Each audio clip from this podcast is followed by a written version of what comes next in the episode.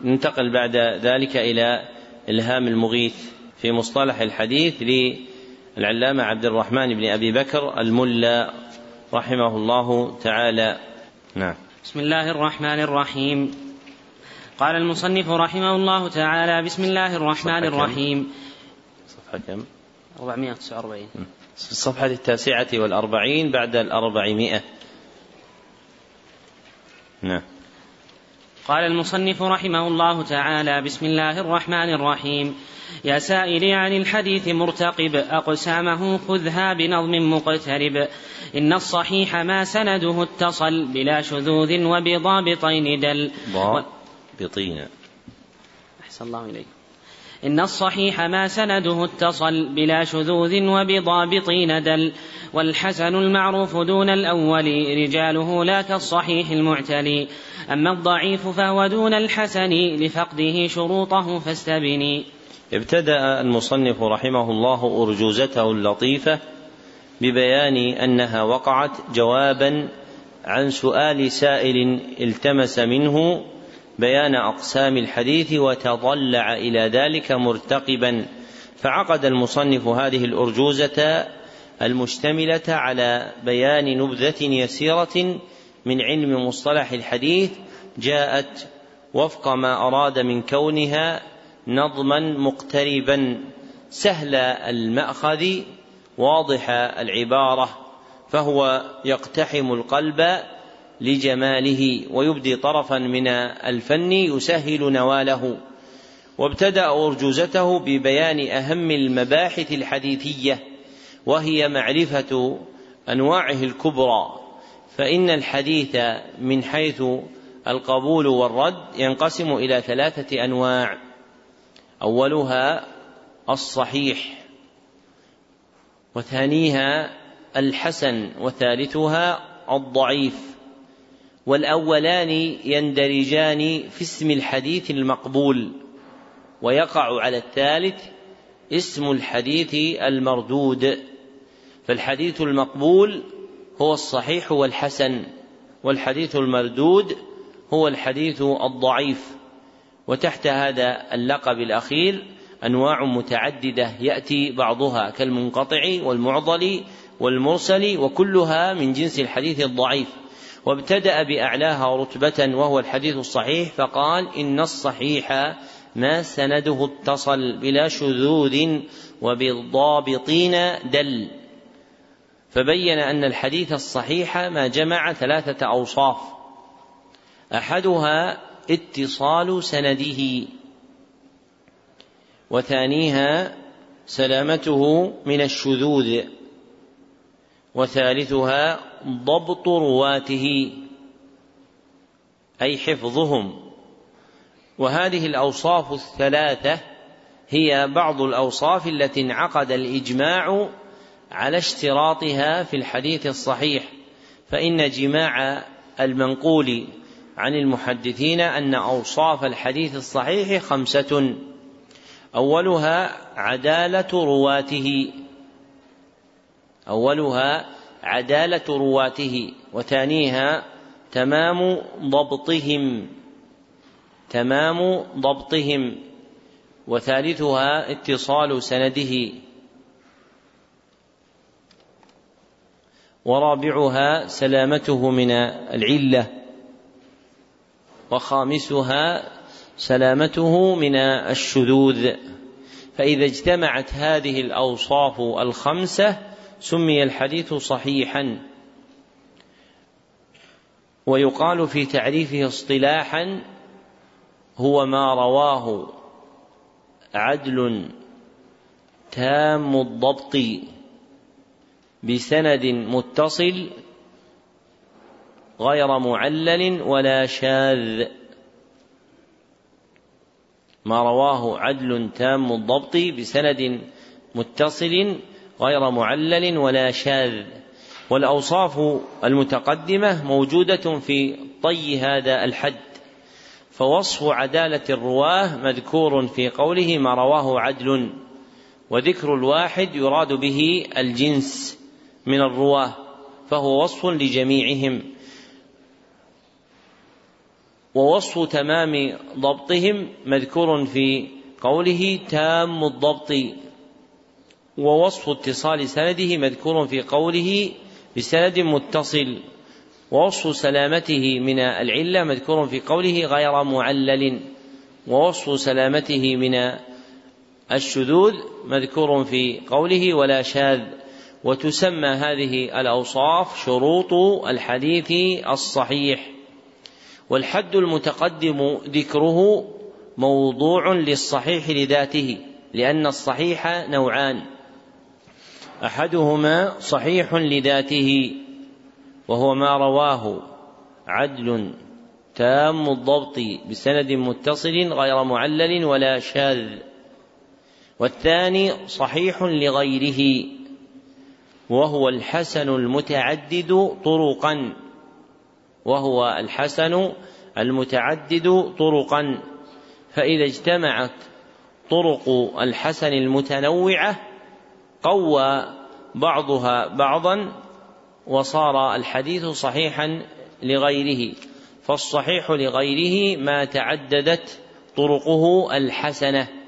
وإذا ضم أحدها إلى الآخر أوجب قوة تورث الصحة يسمى الصحيح لغيره.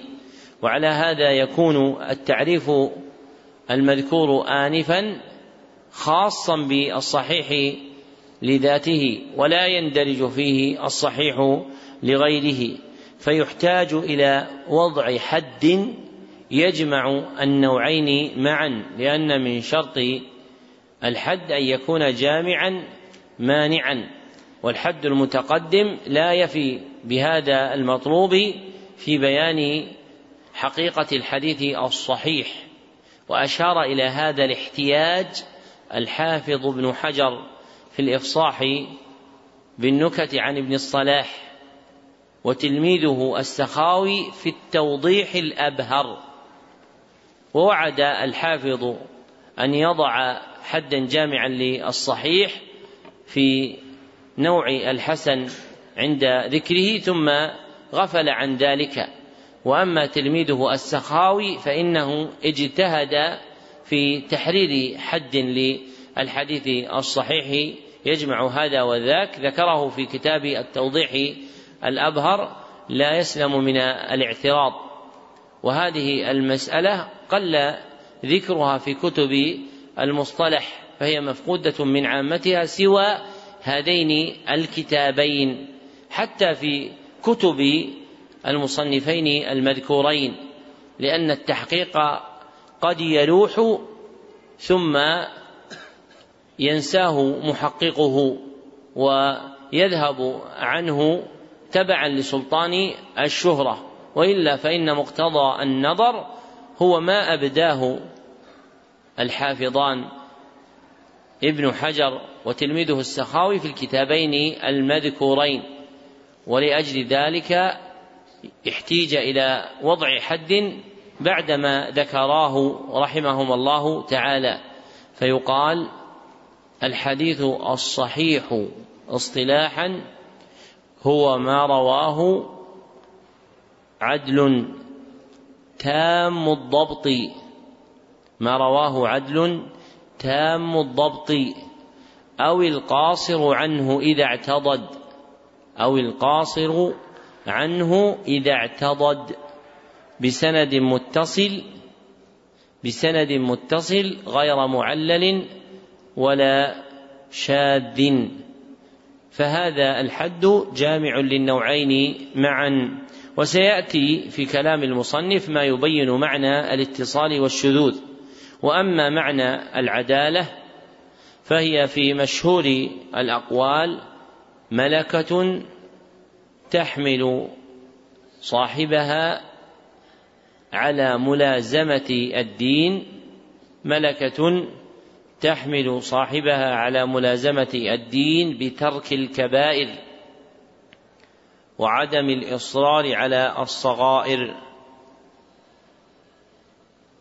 وهذا الحد مبني على مقولة من مقولات الفلاسفة. العشر يقال لها مقولة الهيئة والقدامى من المحدثين ذكروا ما هو أحسن وأوضح وألصق بالمعنى اللغوي والشرعي. فذكر الشافعي في كتاب الرسالة وابن حبان في الصحيح أن العدل هو من غلبت طاعاته معاصيه. هو من غلبت طاعاته معاصيه. فمن كان أكثر حاله الطاعة فهو عدل. وأما الضبط وهو الحفظ كما سلف فله نوعان. أحدهما ضبط صدر ومحله الصدر. أحدهما ضبط صدر ومحله الصدر.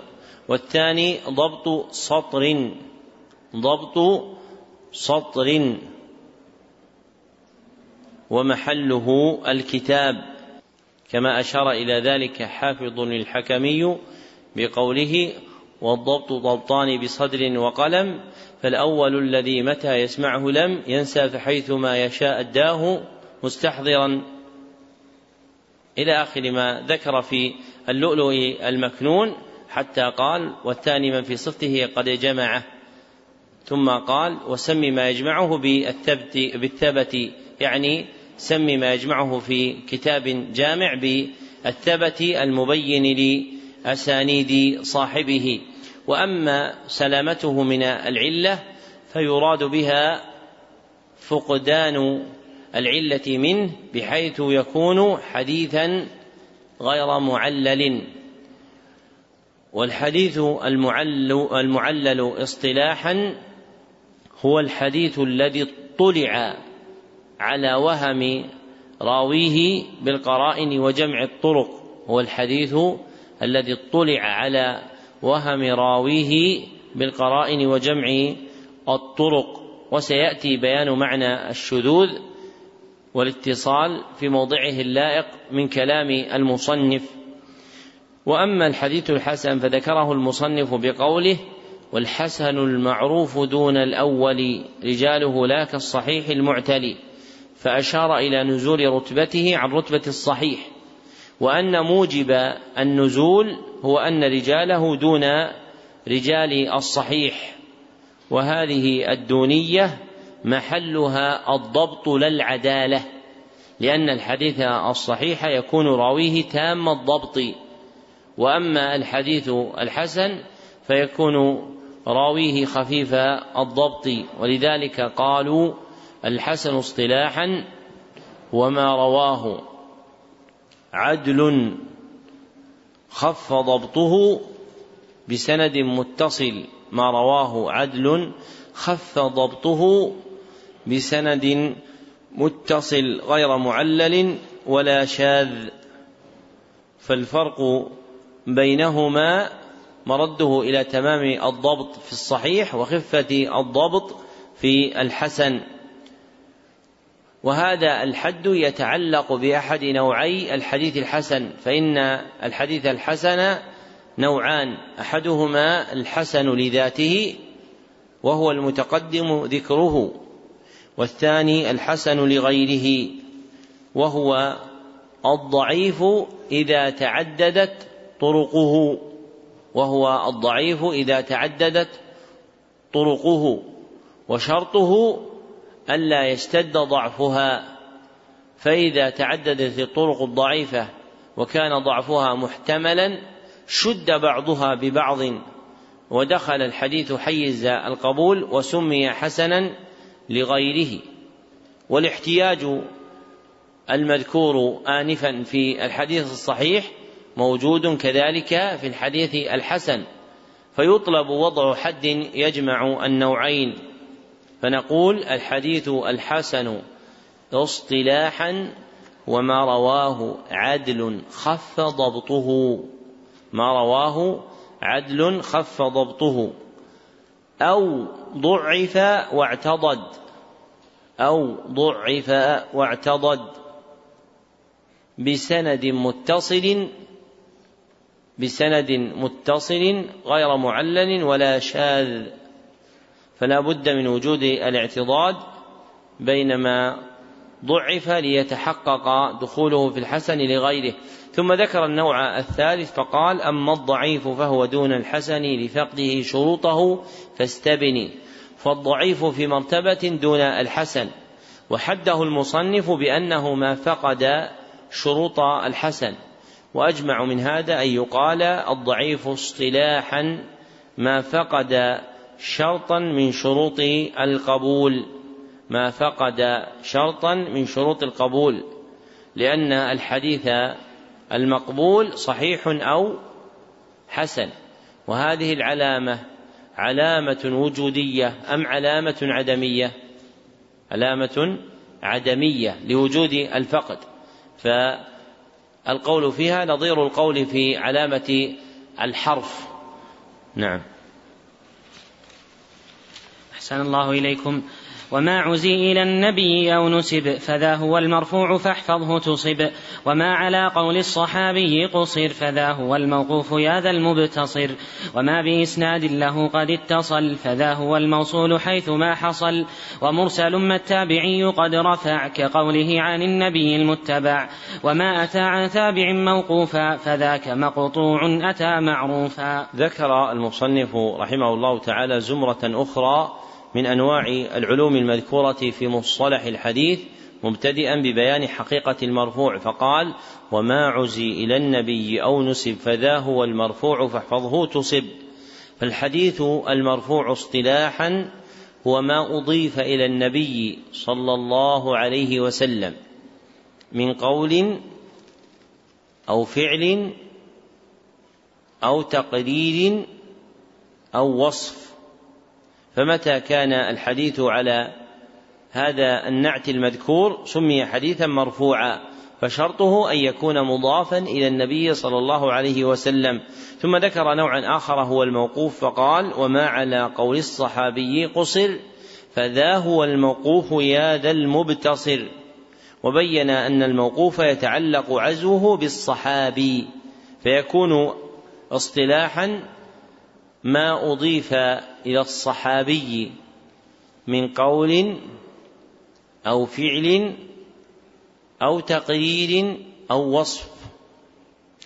وقول المصنف وما على قول الصحابي قصر وربما أوهم أن الموقوف مختص بالقول لكنه خرج عنده مخرج الغالب فغالب المضاف إليهم هو الأقوال.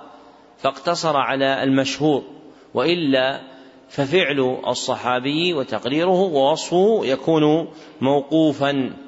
ولو قال وما على شأن الصحابي قصر لكان أولى فشأن الصحابي يشمل القول والفعل والتقرير والوصف.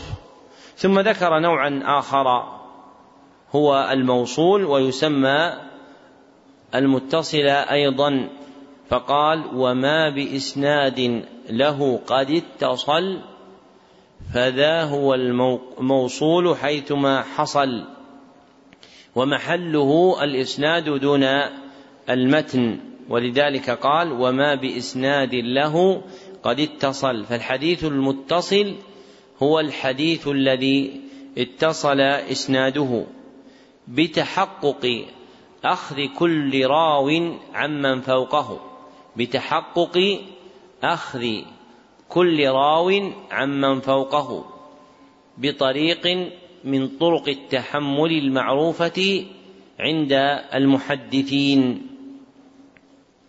فالمتصل اصطلاحا هو ما أخذه كل راو عمن فوقه ما أخذه كل راو عمن فوقه بطريق من طرق التحمل المعتد بها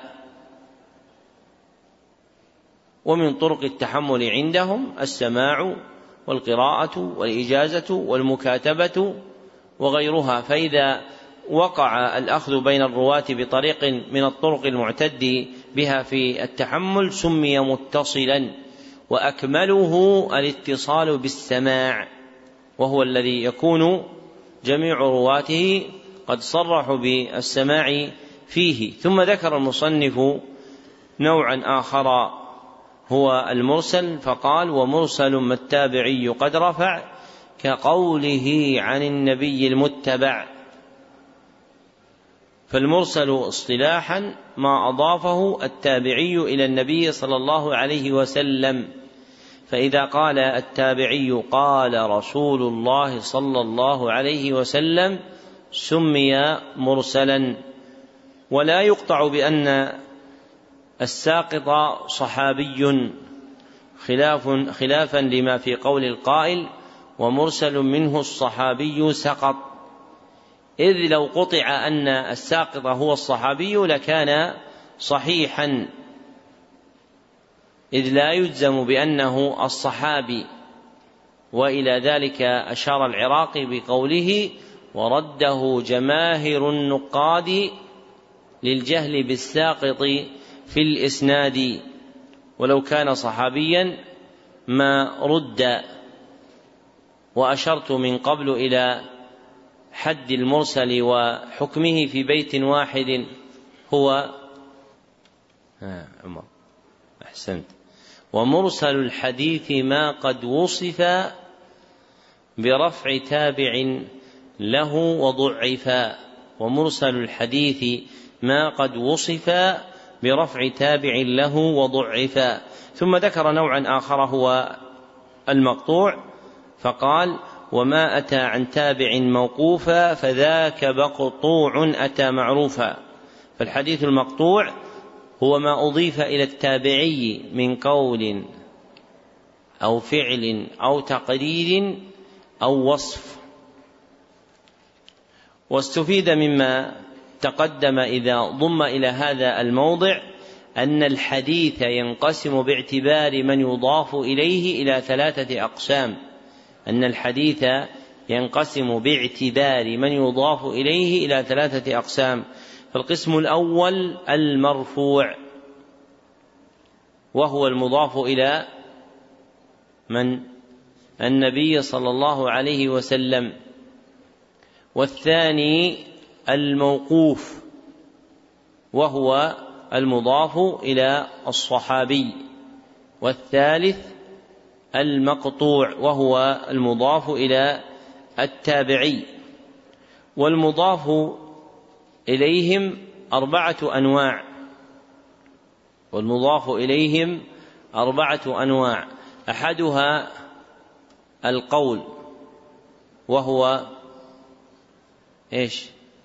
الكلام. وثانيها الفعل وهو العمل. وثالثها التقرير.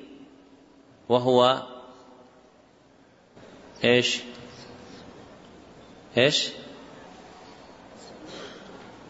إيش؟ إحنا نتكلم عامة. وهو الإقرار على القول أو الفعل. وهو الإقرار على القول أو الفعل. هذا الكلام سواء تعلق بالنبي صلى الله عليه وسلم أو الصحابي أو التابعي. ورابعها الوصف. وهو النعت. وهو النعت والإضافة المذكورة في الأنواع المتقدمة قسمان. أحدهما إضافة حقيقية وهي المصرح بها. إضافة حقيقية وهي المصرح بها. وثانيها إضافة حكمية وهي التي لم يصرح بها.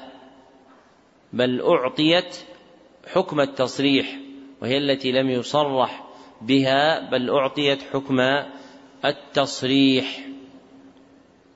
فمن الأول مثلا في حق النبي صلى الله عليه وسلم حديث عمر رضي الله عنه أن النبي صلى الله عليه وسلم قال إنما الأعمال بالنيات متفق عليه واللفظ للبخاري. فهذا حديث مرفوع تصريحا أم حكما؟ مرفوع تصريحا. ومن الثاني ما في صحيح البخاري من حديث عمر رضي الله عنه أيضا أنه قال نهينا عن التكلف. فهذا مرفوع حكما تصريحا أم حكما؟ مرفوع حكما أي له حكم الرفع. وإلى ذلك أشار العراقي بقوله قول الصحابي من السنة أو نحو أمرنا حكمه الرفع ولو بعد النبي قاله بأعصري على الصحيح وهو قول الأكثر. وقل مثل هذا فيما أضيف إلى الصحابي أو إلى التابعي. والمقطوع له عندهم تقسيم آخر باعتبار من يضاف إليه فينقسم إلى قسمين. أحدهما مقطوع أصلي. مقطوع أصلي. والثاني مقطوع تابع. مقطوع تابع. فالأول ما أضيف إلى التابعي. فالأول ما أضيف إلى التابعي. والثاني ما أضيف إلى من بعده. فالمضاف إلى تبع التابعين فمن بعدهم. مما يروى مسندا يسمى مقطوعا بالتبعية لا على وجه الاستقلال. أشار إلى هذا الحافظ ابن حجر في نزهة النظر. نعم. أحسن الله إليكم.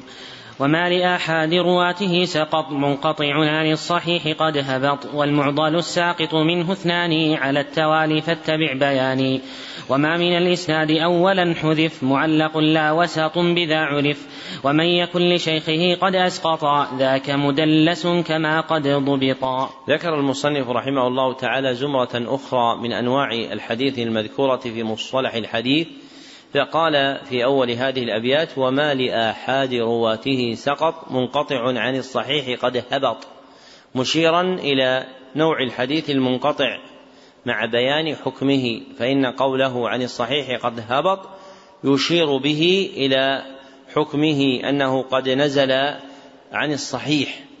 والصحيح هنا بمعنى المقبول وإذا نزل عن درجة المقبول فإن حكمه الرد فيكون حديثا ضعيفا. ومن وصف المنقطع الذي ذكره المصنف أن يكون الساقط في إسناده واحدا لقوله وما لأحد رواته سقط فشرطه أن يكون الراوي الساقط فيه واحد أن يكون الراوي الساقط فيه واحدا فالحديث المنقطع اصطلاحا ما سقط فوق مبتدأ إسناده واحد أو أكثر ما سقط فوق مبتدأ إسناده واحد أو أكثر لا على التوالي غير صحابي لا على التوالي غير صحابي فالسقط يكون فوق مبتدأ الإسناد ومبتدأ الإسناد هو شيخ المصنف فلا بد أن يكون السقط فوقه أما هو فلا يسقط في المنقطع ومن شرط السقوط أيضا إذا كان متعلقا بأكثر من واحد أن يكون لا على التوالي فيسقط راو في طبقة ثم يوجد آخر بعده في الطبقة التي تليها ثم يسقط آخر في طبقة ثالثة سوى الطبقتين المتقدمتين. وآخر الشروط كون الساقط غير صحابي يعني باعتبار الصورة الظاهرة لا باعتبار الحقيقة الواقعة ليخرج المرسل. فإن المرسل ما يضيفه التابعي فلا بد من سقوط الصحابي والسقوط المذكور هنا أضيف إلى الصحابي باعتبار الصورة الظاهرة لأن الصورة الظاهرة أن التابعي يروي الحديث عن صحابي عن النبي صلى الله عليه وسلم لا باعتبار الحقيقة الواقعة لاحتمال أن يكون التابعي رواه عن تابعي آخر. ليس عن صحابي ثم ذكر نوعا آخر وهو المعضل فقال والمعضل الساقط منه اثنان على التوالي فاتبع بياني. فالحديث المعضل هو ما سقط فوق مبتدأ إسناده اثنان فأكثر ما سقط فوق مبتدأ إسناده راويان فأكثر على التوالي.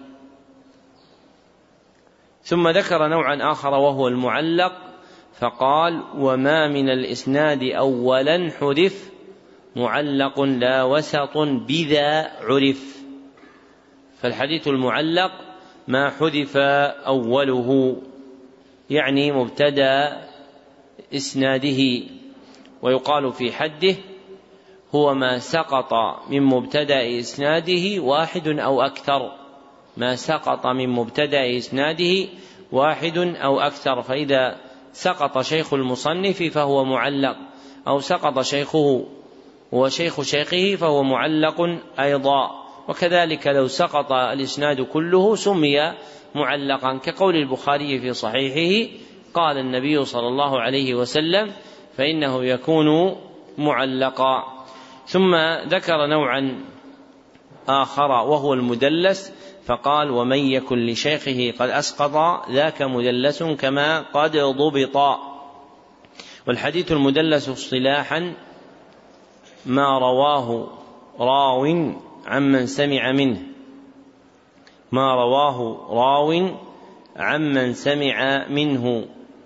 ولم يسمع ذلك الحديث بعينه. ولم يسمع ذلك الحديث بعينه. بصيغة تحتمل وقوع السماع. بصيغة تحتمل وقوع السماع. نحو قال وعن. فالمدلس له سماع من شيخه. لكن ذلك الحديث خاصة الذي دلس فيه لم يقع له سماعا. والصيغة التي عبر بها في التحمل صيغة تحتمل السماع تحتمل وقوع السماع. نحو قال وعن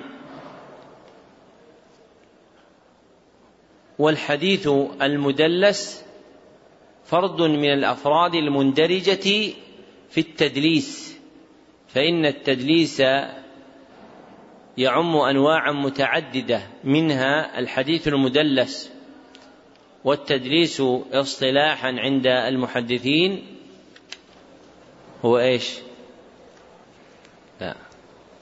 أنت الآن ترجعنا إلى حالة خاصة. نحن نريد التدليس الذي يكون عاما لجميع الأفراد. نعم. بشرط أن تكف رجليك. ها؟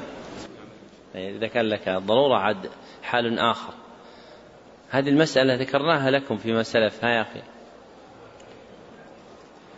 إخفاء طيب. من ذكر هذا؟ أن جئت ببعضه. هذه المسألة يا أخوان تساوي رحلة.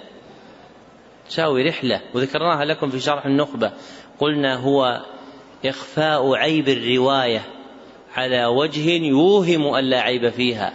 إخفاء عيب الرواية على وجه يوهم ألا عيب فيها. كما يفهم من كلام الجرجاني في مختصره مع شرح ملا حنفي عليه. فتدخل في هذه الحقيقة جميع أنواع التدريس كتدريس الشيوخ والبلدان والإسناد وغيرها. نعم. أحسن الله إليكم. أما الغريب فهو ما رواه فرد من الرواة لا سواه ومن يكن قد خالف الثقات حديثه شذ لدى الرواة والمنكر الذي لمتنه جهل من غير راويه ولم يكن قبل وما روي من أوجه مختلفة عن واحد مضطرب فلتعرفه وآخر الأقسام ما كان وضع وعزوه إلى النبي قد منع.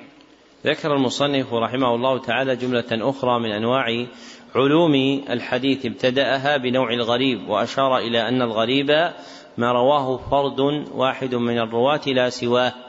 فالحديث الغريب اصطلاحا ما حصرت طرق روايته في واحد ما حصرت طرق روايته في واحد. يستفاد ذلك مما ذكره الحافظ ابن حجر في نخبة الفكر.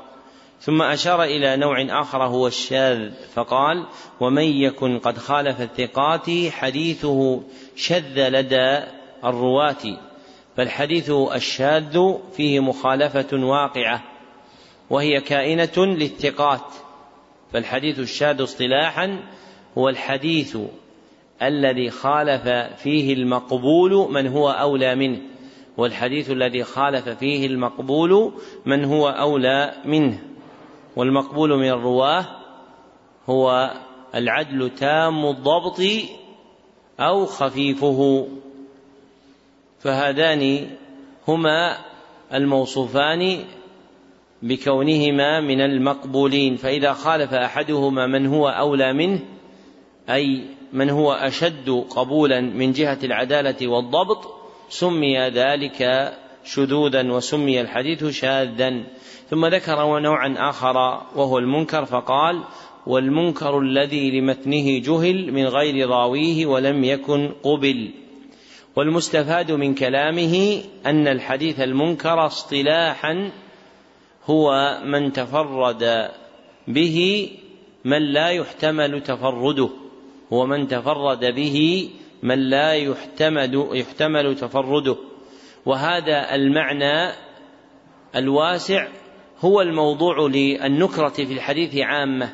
كمعنى التدليس الذي تقدم فإنه دال على أفراد كثيرة وكذلك هذا المعنى الذي حكاه المصنف دال على المقصود. وبه عبر عامة الحفاظ الأوائل.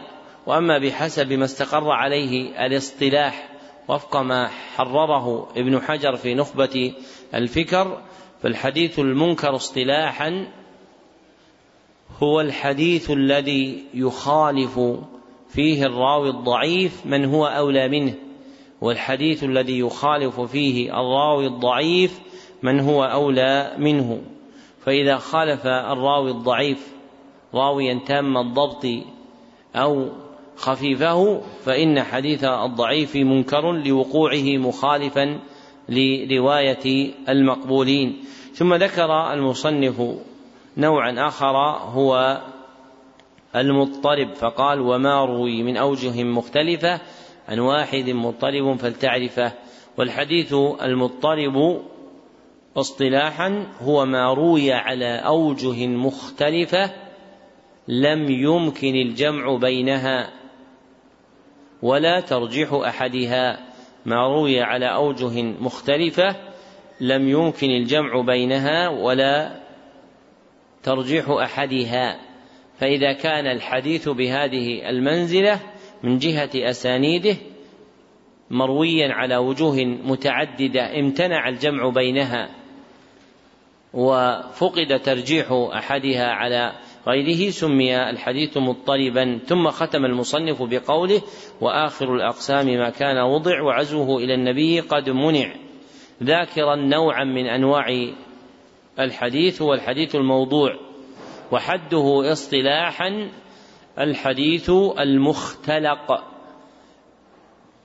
المكذوب على النبي صلى الله عليه وسلم. الحديث المختلق المكتوب على النبي صلى الله عليه وسلم أو غيره.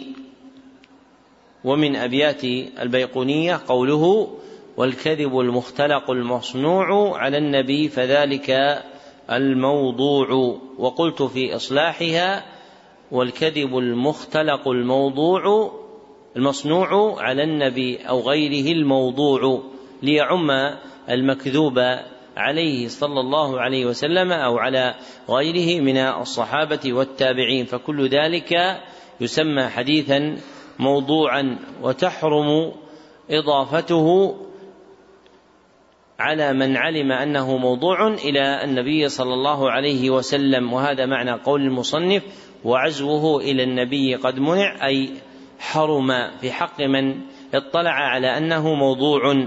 ثم ختم بقوله وآخر الأقسام تنبيها إلى براعة المقطع فجعل آخر الأقسام مشيرا إلى نزوله وسقوطه وهو الحديث الموضوع فهو مستحق للتأخير عما تقدم حقيق بالاطراح والرد لكونه مكذوبا. نعم. الله إليكم. وناظم الأقسام للبيان هو الفقير عابد الرحمن. نجل أبي بكر الشهيد ذي الحسب من ارتقى بعلمه أعلى الرتب. عليه رحمة الإله الخالق الواسع الرحمة للخلائق. ثم صلاة الله والسلام على الذي ظلله الغمام. محمد وآله الأطهار وصحبه مشارق الأنوار. ما نزل الودق من السحاب وما بدا البدر من الغياب. ختم المصنف رحمه الله تعالى هذه الأرجوزة بالإشارة إلى ناظمها فقال وناظم الأقسام يعني المتقدمة. وناظم الأقسام للبيان هو الفقير عابد الرحمن فاسمه عبد الرحمن وزيدت الألف للوزن. ولا يتميز إلا بذكر أبيه ولهذا قال نجل أبي بكر الشهير ذي الحسب والنجل هو الابن والولد وأبو بكر الشهير ذي الحسب كما قال هو والده. فإن اسمه كان على صورة الكنية فوالده هو أبو بكر ابن عبد الله الملا من ارتقى بعلمه أعلى الرتب فهو من بيت الملا وهو بيت معروف بالعلم في بلاد الأحساء. ويحتمل أن يكون أراد بأبيه الذي انتسب إليه جده الأعلى أبو بكر الملا الكبير صاحب شرح البخاري وشرح الشمائل وكتب أخرى طبع بعضها ولم يطبع بعضها فاسم المصنف عبد الرحمن ابن أبي بكر ابن عبد الله ابن أبي بكر الملا. ويقال للأخير في عمود نسبه منهما أبو بكر الكبير تمييزا له عن الصغير وهو حفيده والكبير أشهر بالعلم وأظهر في الذكر. ثم دعا رحمه الله تعالى لوالده بقوله عليه رحمة الإله الخالق الواسع الرحمة للخلائق ثم ختم بالصلاة والسلام على النبي صلى الله عليه وسلم مشيرا إلى شيء من شمائله بقوله على الذي ظلله الغمام يعني غطاه الغمام محمد وآله الأطهار وصحبه مشارق الأنوار والأنوار التي أشرقوا بها هي أنوار الهداية وبلاغ الدين وبلاغ الدين هي أنوار الهداية وبلاغ الدين ونصيحة الخلق. ما نزل الودق يعني المطر من السحاب وما بدا البدر من الغياب أي ما ظهر البدر وهو القمر المكتمل من غيابه بعد سقوطه فهو دعاء بدوام الصلاة والسلام على النبي صلى الله عليه وسلم. ما تجددت هذه الحوادث فصلى الله عليه وسلم ما صلى عليه المصلون. وبهذا تم ختم هذا المتن اللطيف في مصطلح الحديث الشريف. اكتبوا طبقة سماعه سمع علي جميع إلهام المغيث لمن حضر الجميع بقراءة غيره صاحبنا فلان بن فلان بن فلان بن فلان فتم له وتم له ذلك في مجلس واحد وتم له ذلك في مجلس واحد. فأجزت له روايته عني إجازة خاصة من معين في معين لمعين. وأكتب تاريخ هذا اليوم وهو يوم الجمعة. العاشر من جمادى الآخرة سنة اثنتين وثلاثين بعد الأربعمائة والألف في المسجد النبوي بمدينة الرسول صلى الله عليه وسلم. وبهذا نكون قد أتينا على كتب مقررات جمال العلم سوى كتابين أحدهما معاني الفاتحة وقصار المفصل وهذا سبق شرحه قريبا. والآخر خلاصة مقدمة التفسير وسبق شرح أصلها لكن سنقرأها إجابة لرغبة بعض الأخوة لتحصل روايتها فنسردها سردا اكتفاء بالشرح الذي تقدم وهو موجود في تسجيلات المسجد لمن أراده.